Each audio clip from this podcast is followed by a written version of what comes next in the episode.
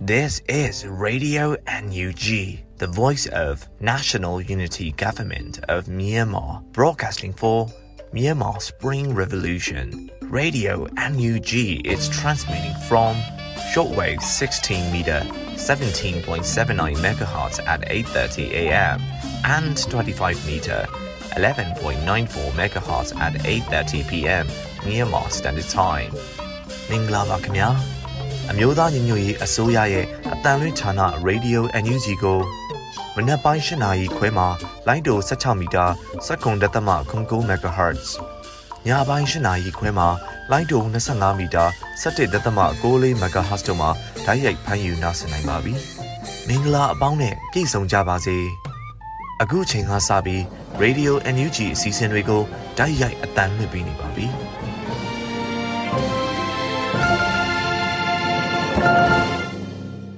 မြန်မာနိုင်ငံသူနိုင်ငံသားအပေါင်းတဘာဝပြီးဆရာနာရှင်ပြီးတို့ကနေကင်းဝေးပြီးကိုစိတ်နှပါဘေးကင်းလုံခြုံကြပါစေလို့ရေဒီယိုအန်ယူဂျီဖွယ်သားများကဆုတောင်းမြတ်တာပို့သလိုက်ရပါတယ်။အခုပထမဆုံးအနေနဲ့ကာကွယ်ရေးဝန်ကြီးဌာနရဲ့စီရေးသတင်းချင်းချုပ်ကိုတော့ຫນွေဦးလင်ကမှဖတ်ကြားတင်ပြပေးမှာဖြစ်ပါတယ်။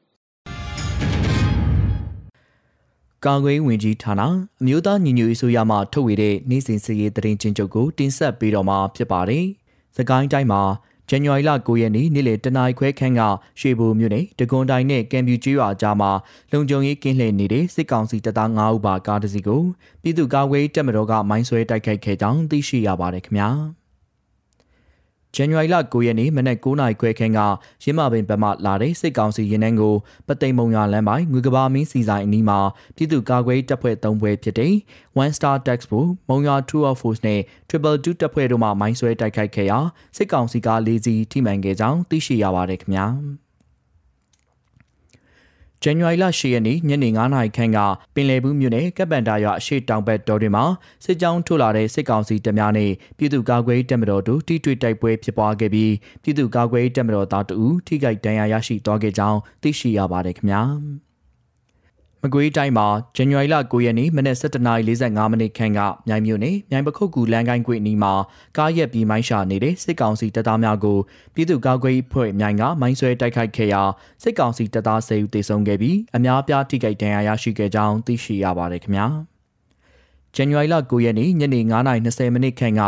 မြိုင်မြို့နယ်ထငယ်တော်ရှေ့ဘက်ချောင်းကလမ်းခွဲမှာစစ်ကောင်စီရင်နှန်းကိုပြည်သူ့ကာကွယ်ဖွဲ့မြိုင်ကမိုင်းဆွဲတိုက်ခိုက်ခဲ့ရာကားမောက်သွားပြီးစစ်ကောင်စီတပ်သား9ဦးခန့်သေဆုံးကအများအပြားထိခိုက်ဒဏ်ရာရရှိခဲ့ကြောင်းသိရှိရပါတယ်ခင်ဗျာ။ဇန်နဝါရီလ9ရက်နေ့မနက်09:55မိနစ်ခန့်ကစောမြို့နယ်လောင်းရှိမြို့မိသက်ရုံနီမှာတက်ဆွဲထားတဲ့စစ်ကောင်စီတပ်သားများကိုလောင်းရှိ PSF ကမိုင်းဆွဲတိုက်ခိုက်ခဲ့ကြောင်းသိရှိရပါတယ်ခင်ဗျာ။ ယခုဆက်လက်ပြီးစစ်ကောင်စီမှကျူးလွန်တဲ့ရာဇမှုတွေကိုတင်ဆက်ပေးကြပါမယ်။ကရင်ပြည်နယ်မှာဇန်နဝါရီလ9ရက်နေ့မနက်9:00နာရီခန့်ကကော့ဂရိတ်ခြေဆိုင်အမှတ်69အမြောက်တပ်ကလက်နက်ကြီးနဲ့ပစ်ခတ်တဲ့အတွက်ကြောင့်အာရှလန်အရှိတ်ကျွော်ရှိဒေသခံမျိုးသား2ဦးထိခိုက်ဒဏ်ရာရရှိသွားခဲ့ကြောင်းသိရှိရပါတယ်ခင်ဗျာ။။ စကိုင်းတိုင်းမှာဇန်နဝါရီလ9ရက်နေ့ကဝက်လက်မြို့နယ်ရှားခွဲကျွော်မှာရွာသူရွာသား90ကျော်နဲ့တိစိတ်ရွာမှာရွာသူရွာသား60ခန့်ကိုစစ်ကောင်စီတပ်မှဖမ်းဆီးခေါ်ဆောင်သွားပြီးလူသားတိုင်းပြုလုပ်က PDF များကိုတောင်းနှင်းရှာဖွေခဲ့ကြောင်းသိရှိရပါတယ်ခင်ဗျာ။ဇန်နဝါရီလ9ရက်နေ့ကကျွန်းလှမြို့နယ်ကျွဲရဲကျွော်မှာစစ်ကောင်စီတပ်များကရွာသူရွာသားများကိုဖမ်းဆီးခေါ်ဆောင်စစ်ဆေးနေတဲ့အပြင်နေအိမ်များကိုလည်းရိုက်ချိုးဖျက်ဆီးသွားခဲ့ကြောင်းသိရှိရပါတယ်ခင်ဗျာ။ ဇန်နဝါရီလ10ရက်နေ့ကခင်ဦးမြို့နယ်အင်တိုင်းတောင်ရွာမှာဒေသခံတူရာကင်းတဲ့အလုပ်လုပ်နေရင်ယူနီချန်တောက်နေစဉ်စစ်ကောင်စီစစ်ကြောင်းမှပါလာတဲ့ရွာသစ်ကုန်းပြူစောထီများက PDF ဟုဆွဆွဲကဖမ်းဆီးခေါ်ဆောင်သွားခဲ့ကြောင်းသိရှိရပါတယ်ခင်ဗျာဇန်နဝါရီလ9ရက်နေ့ညနေ9:48မိနစ်ခန့်ကရင်းမပင်မြို့နယ်ကြီးစာကြကြေးရွာအတွင်းရှိပြည်သူနေငါးလုံးကိုစစ်ကောင်စီတပ်များကမိရှို့ဖျက်ဆီးသွားခဲ့ကြောင်းသိရှိရပါတယ်ခင်ဗျာ။ ယခုတင်ဆက်သွားတဲ့သတင်းတွေကိုမြေပြင်သတင်းတာဝန်ခံများနဲ့သတင်းဌာနတွေမှာဖော်ပြလာတဲ့အချက်လက်တွေပေါ်အခြေခံပြုစုထားခြင်းဖြစ်ပါတယ်။ကျွန်တော်ကတော့ຫນွေဦးလင်ပါ။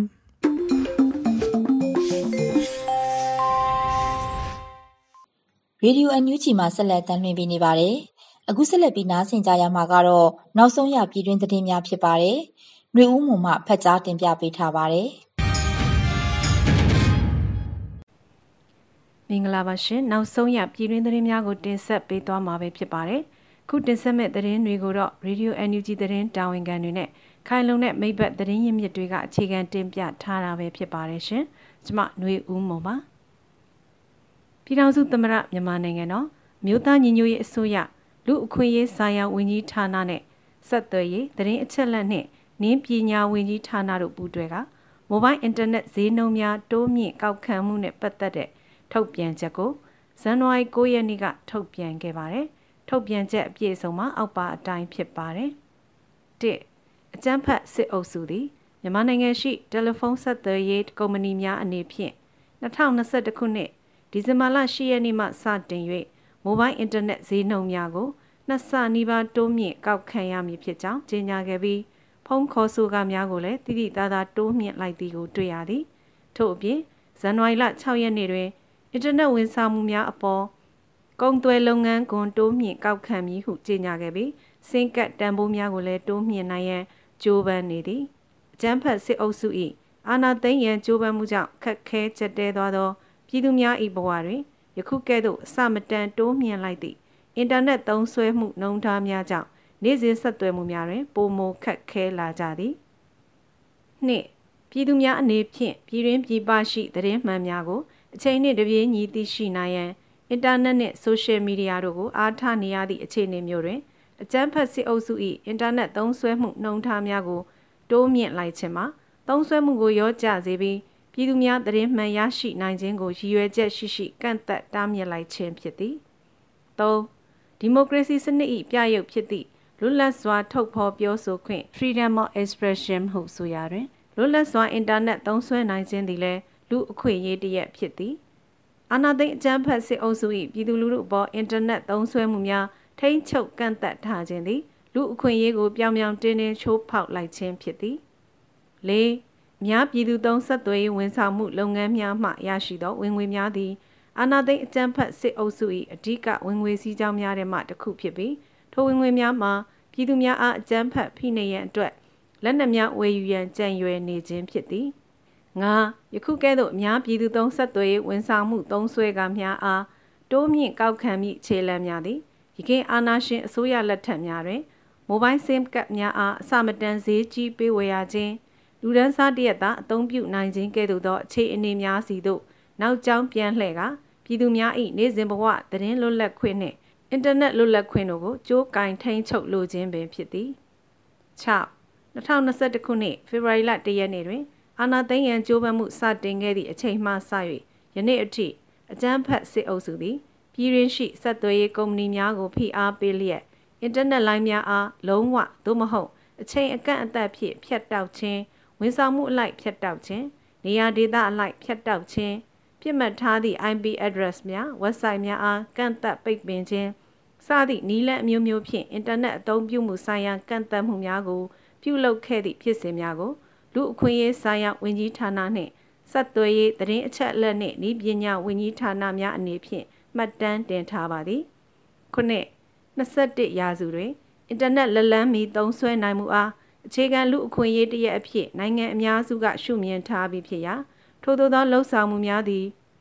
ပြည်သူများ၏အခြေခံလူအခွင့်အရေးကိုချိုးဖောက်ခြင်းဖြစ်သည်ဒါမကပြည်ပြည်ဆိုင်ရာလူအခွင့်အရေးကြီးညာစာတမ်းအပိုက်19ပါ လူသားတိုင်းရရှိသည့်လွတ်လပ်စွာထုတ်ဖော်ပြောဆိုခွင့်နှင့်တရင်အချက်အလက်ရယူပိုင်ခွင့်ဆိုင်ရာအခွင့်အရေးများကိုပါချိုးဖောက်ခြင်းဖြစ်သည်။ offline တွင်ရရှိသောလူအခွင့်အရေးများသည် online တွင်လည်းတူညီစွာရရှိရမည်ဟုလည်းကုလသမဂ္ဂ၏ဆုံးဖြတ်ချက်အမြောက်အများတွင်အတိအမှတ်ပြုထားပြီးဖြစ်ရာအင်တာနက်အသုံးပြုခွင့်ဆိုင်ရာကန့်သတ်မှုပုံစံအမျိုးမျိုးအားလည်းလူအခွင့်အရေးချိုးဖောက်မှုများအဖြစ်မိမိတို့မှတ်ယူသည်။ရှေ့ လူအခွင့်အရေးဆိုင်ရာဝန်ကြီးဌာနသည်အထက်ပါအင်တာနက်အခွင့်အရေးချိုးဖောက်မှုဆိုင်ရာကိစ္စရပ်များအားနီးကပ်စောင့်ကြည့်မှတ်တမ်းတင်ကကျူးလွန်သောပုဂ္ဂိုလ်များအစုအဖွဲ့များအားအရေးယူနိုင်ရန်အတွက်ကြိုးပမ်းဆောင်ရွက်လျက်ရှိပါသည်ထို့အပြင်ထိုလူအခွင့်အရေးချိုးဖောက်မှုမှတ်တမ်းများကိုသက်ဆိုင်ရာကုလသမဂ္ဂအဖွဲ့အစည်းများနှင့်နိုင်ငံတကာစုံစမ်းစစ်ဆေးရန်ရာများထံသို့စဉ်ဆက်မပြတ်ပေးဖို့လျက်တရားမျှတမှုဖော်ဆောင်ရေးလုပ်ငန်းစဉ်များကိုလှုပ်ဆောင်လျက်ရှိသည်ကို အကျန်းဖတ်စစ်အုပ်စုသည်အင်တာနက်အသုံးပြုမှုဆိုင်ရာကန့်သက်ရန်ကြိုးပမ်းနေမှုအမျိုးမျိုးကိုချွင်းချက်မရှိချက်ချင်းရပ်တန့်ရမည်ထို့သောလှုပ်ဆောင်ခြင်းသည်လူအခွင့်အရေးဆိုင်ရာဝန်ကြီးဌာနနှင့်ဆက်သွယ်ရေးသတင်းအချက်အလက်နှင့်ဤပညာဝန်ကြီးဌာနများအနေဖြင့်ခေတ်သစ်လူအခွင့်အရေးချိုးဖောက်မှုပုံစံဖြစ်သောအင်တာနက်ကန့်သတ်မှုဆိုင်ရာကိစ္စရပ်များအားစနစ်တကျမှတ်တမ်းပြုစုထားပြီးကျူးလွန်သူများနှင့်အစုအဖွဲ့များကိုအေးအေးယူနိုင်ရန်အတွက် တာဝန်ခံမှုဖော်ဆောင်ရေးကိုဆောင်ရွက်သွားမည်ဖြစ်သည်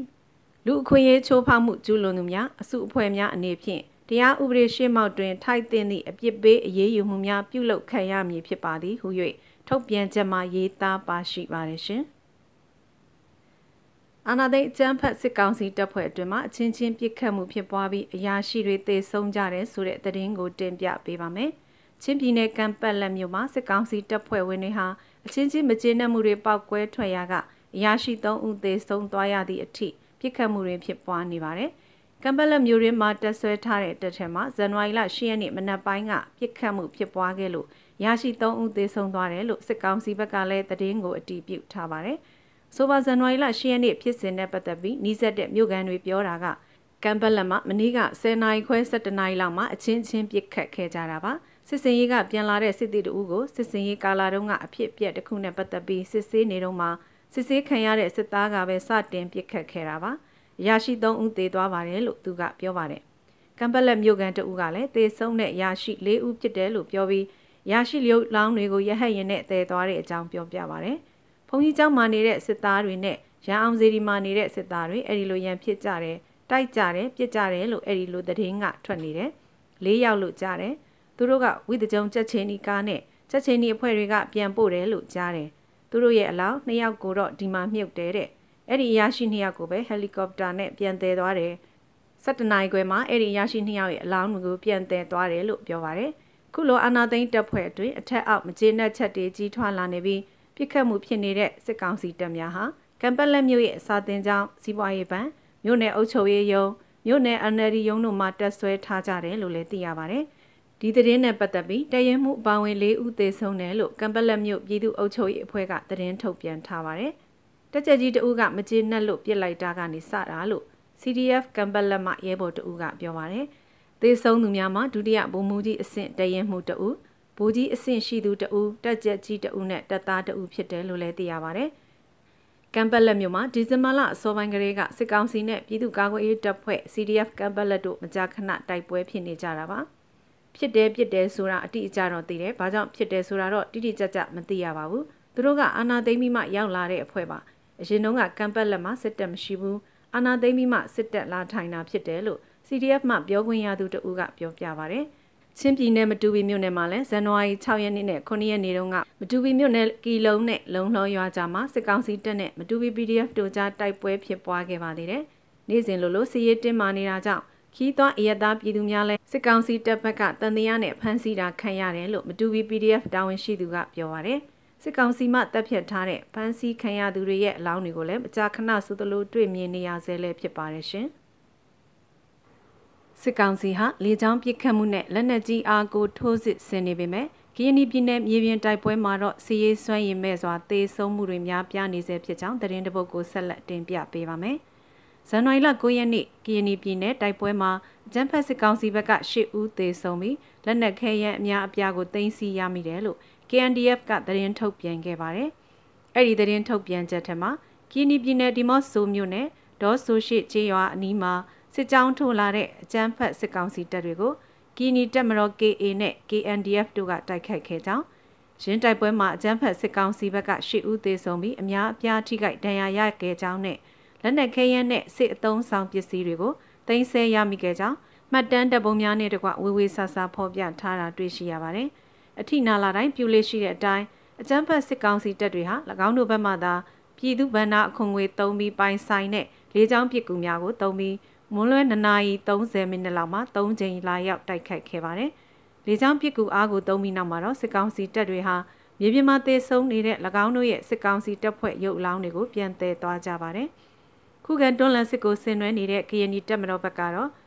ဒေါ်ဆိုရှိတိုက်ပွဲအတွင်းကြာဆုံးရဲဘော်တဦးရှိခဲ့ပြီးမြို့သားအာဇာနည်သူရဲကောင်အဖြစ်တမိုင်းမှတ်တမ်းတင်အလေးပြုတယ်လို့ထုတ်ပြန်ချက်မှာဖော်ပြထားပါတယ်။ရိုက်ကော်မြို့ပန်ကန်းနဲ့မိုင်းလုံးရက်ကွက်တွေမှာဇန်နဝါရီလ9ရက်နေ့မနက်က KNDF နဲ့ PDF ပူးပေါင်းမဟာမိတ်အဖွဲ့တွေနယ်မြေရှင်းလင်းနေစဉ်မှာလဲအကြမ်းဖက်စစ်ကောင်စီတပ်တွေနဲ့ထိတွေ့တိုက်ပွဲဖြစ်ပွားခဲ့ပြီး နှစ်ဖက်ထိတွေ့တိုက်ပွဲမှာမိနစ်အနည်းငယ်ခန့်သာကြာမြင့်ခဲ့ပြီးထိခိုက်ကြဆုံးမှုကိုမသိသေးဘူးလို့ဆိုပါတယ်။ဒါပေမဲ့နေမြေရှင်းရမှာလက်နက်ငယ်တစ်လက်နဲ့လက်နက်ကြီးလက်နက်ငယ်ကြီးအချို့ကိုတင်ဆက်ရမိခဲ့ပါတယ်။ညနေ3နာရီခွဲခန့်လောက်မှာလည်းအကြမ်းဖက်စစ်ကောင်စီဘက်ကရှားတော်မြို့နယ်အတွင်းကကီနီတက်မတော်ရဲ့တင်တန်းကွင်းတစ်ခုကိုလေကြောင်းတိုက်ခိုက်မှုပြုလုပ်ခဲ့ပြီးအဲ့ဒီတိုက်ခိုက်မှုအတွင်းမှာတော့ကီနီတက်မတော် KA နဲ့ KNDF ဘက်မှထိခိုက်မှုတစုံတရာမရခဲ့ဘူးလို့သတင်းထုတ်ပြန်ထားတာတွေ့ရပါတယ်။ ကရင်ပြည်နယ်မြောက်ရီမြို့နယ်လေးကေကောတိုက်ပွဲမှာလည်းစစ်ကောင်စီဟာစစ်ရဟရင်ပစ်ကူနဲ့ဘုံကျဲလေရင်တွေကိုတုံးပြီးအကြိမ်ကြိမ်တိုက်ခိုက်ခဲ့ပါတယ်။ KNU ကရင်မျိုးသားအစည်းအရုံးအနေနဲ့ရဲသားပြည်သူများထိခိုက်သေးချေမှုမဖြစ်ရန်လေကြောင်းကင်းမဲ့ဆုံးသတ်မှတ်ပေးဖို့နိုင်ငံတကာကိုတောင်းဆိုခဲ့ရပြီး KNU အမျိုးသားတိုးတက်ရေးပါတီ KNPP ကလည်းဇန်နဝါရီလ10ရက်နေ့ရက်စွဲနဲ့အရေးပေါ်သတင်းထုတ်ပြန်ချက်တရက်ကိုထုတ်ပြန်ခဲ့ရပါတယ်။အဲ့ဒီအရေးပေါ်ထုတ်ပြန်ချက်မှာလည်းစစ်ကောင်စီဘက်က တိုက်လေရင်စစ်ရဟရင်တုံးပြီးဘုံကျဲတိုက်ခိုက်နေခြင်းကိုနိုင်ငံတကာအဖွဲ့အစည်းများမှရေးယူဆောင်ရွက်ပေးကြဖို့တောင်းဆိုထားတာကိုလည်းတွေ့ရှိရပါတယ်ရှင်။အခုတစ်ခါမှာ Radio NUG ပရိသတ်တွေအတွက်တော်လှန်ရေးတေးဂီတာအစီအစဉ်ကိုတင်ဆက်ပေးခြင်းပါတယ်။တေးဆိုຫນွေဦးဟန်နီရဲ့ငါတို့အနာဂတ်လို့အမည်ရတဲ့တော်လှန်ရေးတေးဂီတာကိုနားဆင်ကြရတော့မှာဖြစ်ပါတယ်။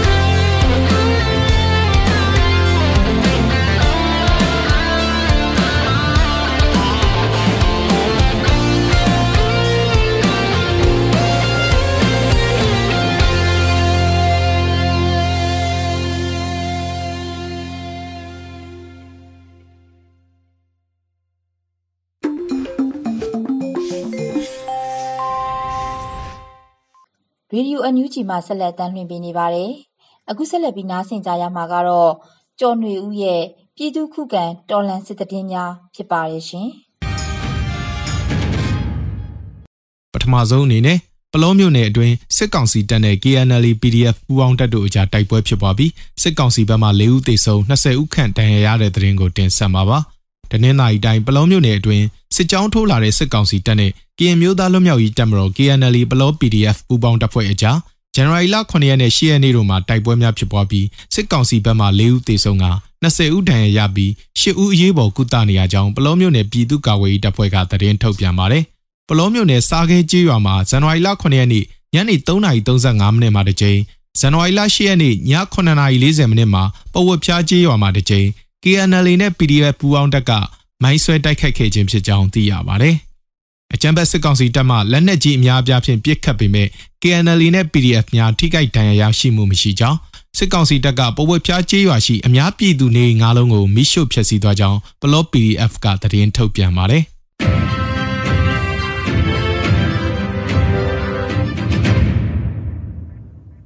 မန်လေးမြို့မှာယထာများမိုင်းဆွဲခံရပြီး စစ်ကောင်စီတပ်ဖွဲ့ဝင်အ ਨੇ ဆုံး9ဦးသေဆုံးနိုင်တဲ့ဆိုတဲ့သတင်းကိုဆက်လက်တင်ဆက်မှာပါဒီနေ့မနက်9နာရီခွဲအချိန်အမှတ်9ယထာတန်လန်ပြင်ဦးလွင်အထက်လန်58လမ်းနဲ့56လမ်းအကြားမှာမိုင်းပေါက်ကွဲကြောင်းအလားတူမြောက်ရီမင်းကြီးလမ်းမှာရဲနဲ့စစ်သားများအပြည့်တင်ဆောင်လာတဲ့ယထာမှာလည်းယနေ့မနက်9နာရီအချိန်မှာပေါက်ကွဲမှုဖြစ်ပွားကြောင်းဒေသကာကွယ်ရေးတပ်ဖွဲ့ဝင်တို့ကပြောပါတယ်စစ်ကောင်စီ9ဦးလောက်သေပြီး10ဦးလောက်ဒဏ်ရာရကြောင်းအဆိုပါဒေသကာကွယ်ရေးတပ်ဖွဲ့ဝင်ကဆက်လက်ပြောကြားတာပါ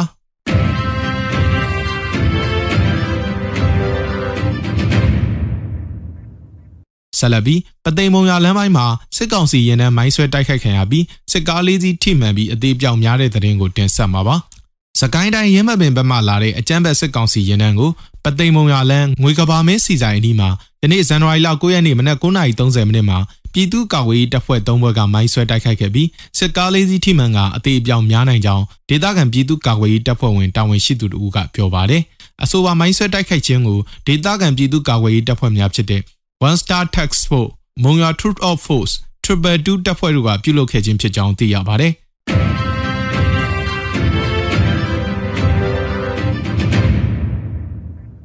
နောက်ဆုံးအနေနဲ့အမျိုးသားညီညွတ်ရေးအစိုးရပြည်ထရေးနဲ့လူဝင်မှုကြီးကြပ်ရေးဝန်ကြီးဌာနက2022ခုဇန်နဝါရီလ9ရက်ရက်စွဲနဲ့ထုတ်ပြန်တဲ့ပြည်သူ့ခုခံတော်လှန်စစ်တရင်အချက်လက်တွေကိုတင်ဆက်ပေးသွားမှာပါ။အာဏာသိမ်းအကြမ်းဖက်စစ်အုပ်စုရဲ့ပြည်သူလူထုအပေါ်အကြမ်းဖက်ဖိနှိပ်ဖန်ဆီးတိုက်ခိုက်တပ်ဖြတ်နေမှုများကို ပြည်သူလူထုတရက်လုံးကအသက်ရှင်တန်ရေးအတွက်မိမိကိုယ်ကိုမိမိခုခံကာကွယ်ပိုင်ခွင့်အရာပြည်သူခုခံစစ် People's Defenses War ကိုဆင်နွှဲလျက်ရှိပါတယ်။တရင်အချက်လက်များအရ၈ရက်တလ2022ရက်နေ့မှာစစ်ကောင်စီတပ်ဖွဲ့ဝင်109ဦးသေဆုံးပြီးထိခိုက်ဒဏ်ရာရရှိသူ19ဦးအထိခုခံတိုက်ခိုက်နိုင်ခဲ့ပါတယ်။စစ်အာဏာရှင်စနစ်မြမမြေပေါ်မှာအပိတိုင်ချုပ်ငြိမ်းရေးနဲ့ Federal Democracy တိဆောက်ရေးအတွက် ငြိမ်းချမ်းစွာဆန္ဒပြနေကြတဲ့လူထုတပိတ်တိုက်ပွဲများကပြည်내နဲ့တိုင်းဒေသကြီးများမှာဖြစ်ပွားပေါ်ပေါက်လျက်ရှိပါတယ်။မြေပြင်မှာယခုတွေ့ရတဲ့သတင်းချက်လက်များထက်ပို၍ဖြစ်ပွားနိုင်ပါတယ်ခင်ဗျာ။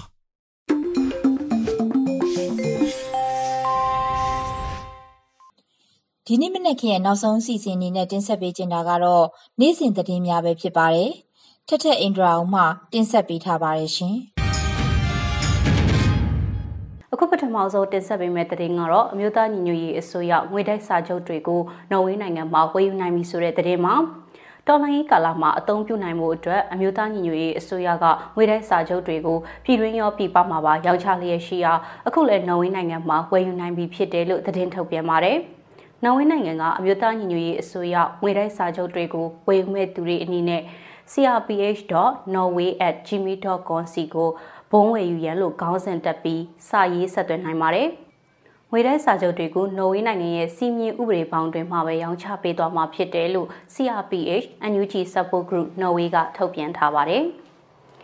အမျိုးသားညီညွတ်ရေးအစိုးရကငွေတိုက်စာချုပ်တွေကိုပြည်တွင်းမှာရောပြည်ပနိုင်ငံတွေမှာပါအယောင်ကိုယ်စားလှယ်တွေထားရှိပြီးလှုပ်ဆောင်နေတာပါငွေတိုက်စာချုပ်ရဲ့တက်တန်းကနှစ်နှစ်တက်တန်းဖြစ်ပြီးတော့တတ်မှတ်တက်တန်းမရောက်ခင်တဆင့်ပြန်လည်ရောင်းချလို့မရပါဘူး တက်တန်းစီးတဲ့အခါကျရင်ဝယ်ယူစဉ်ကအသုံးပြုခဲ့တဲ့အမည်နဲ့တက်တေခံကပ်ပြားအမှတ်တို့ကိုမှန်ကန်ကိုက်ညီတဲ့အထောက်အထားတွေပြပြီးတော့ပြန်လည်ထုတ်ယူခွင့်ရှိပါတယ်။အမျိုးသားညီညွတ်ရေးအစိုးရရဲ့ငွေတိုက်စာချုပ်တွေကို USDT stable coin နဲ့ဝယ်ယူနိုင်ပြီဖြစ်တယ်လို့နိုင်ငံတကာမှာရှိတဲ့ငွေတိုက်စာချုပ်ကိုယ်စားလှယ်ထံကနေတဆင့်ငွေပေးချေပြီးတော့လည်းဝယ်ယူနိုင်ပြီဖြစ်ပါတယ်။ လက်ရှိမှာပြည်တွင်းကနေဝယ်ယူမဲ့သူတွေကို KIO ရဲ့ငွေကြေးပို့ဆောင်သောစနစ်အုပ်ချုပ်ရေးနဲ့ဗန်စနစ်တွေအတိုင်း KPICT နဲ့ပူးပေါင်းလက်ခံဆောင်ရွက်ပေးနေပြီလို့လည်းသိရပါတယ်ရှင်။အမျိုးသားညီညွတ်ရေးအစိုးရအမျိုးသမီးလူငယ်နဲ့ကလေးငယ်ရေးဝန်ကြီးဌာနအနေနဲ့စစ်ဘေးရှောင်ပြည်သူတွေစီကိုစားနပ်ရိက္ခာနဲ့စေဝါတွေထောက်ပံ့ကူညီနေတယ်လို့သတင်းရရှိပါတယ်။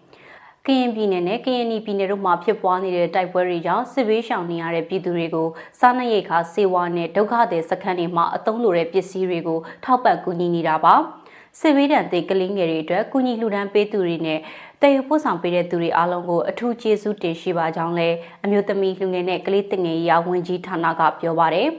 ကရင်ပြည်နယ်လေးကကောဒေတာတိုက်ပွဲကြောင့်စစ်ပေးရှောင်း2000ကျော်လောက်ထိရှိသလို ဇန်နဝါရီ9ရက်ကစတင်ပြီးတော့ KNY ပြည်နယ်မှာဖြစ်ပွားနေတဲ့တိုက်ပွဲတွေကြောင့်လည်းစစ်ပေးရှောင်း1000နာထိရောက်ရှိနေပြီလို့သိရပါဗျ။အကြမ်းဖက်စစ်တပ်ဟာစစ်ပေးရှောင်းစခန်းတွေထိဘုံကျဲတိုက်ခိုက်မှုတွေပြုလုပ်နေတယ်လို့လွိုက်ကော်မှာဆိုရင်လည်းမြို့ပေါ်အထိကိုလေရင်နဲ့ဘုံကျဲတိုက်ခိုက်မှုတွေလုပ်တဲ့အတွက်ပြည်သူတွေဟာနေဆက်တွေကနေတဆင့်ထိုင်းနိုင်ငံဘက်ကိုစစ်ဘေးရှောင်ရတဲ့အထိဖြစ်နေတယ်လို့သိရပါဗျ။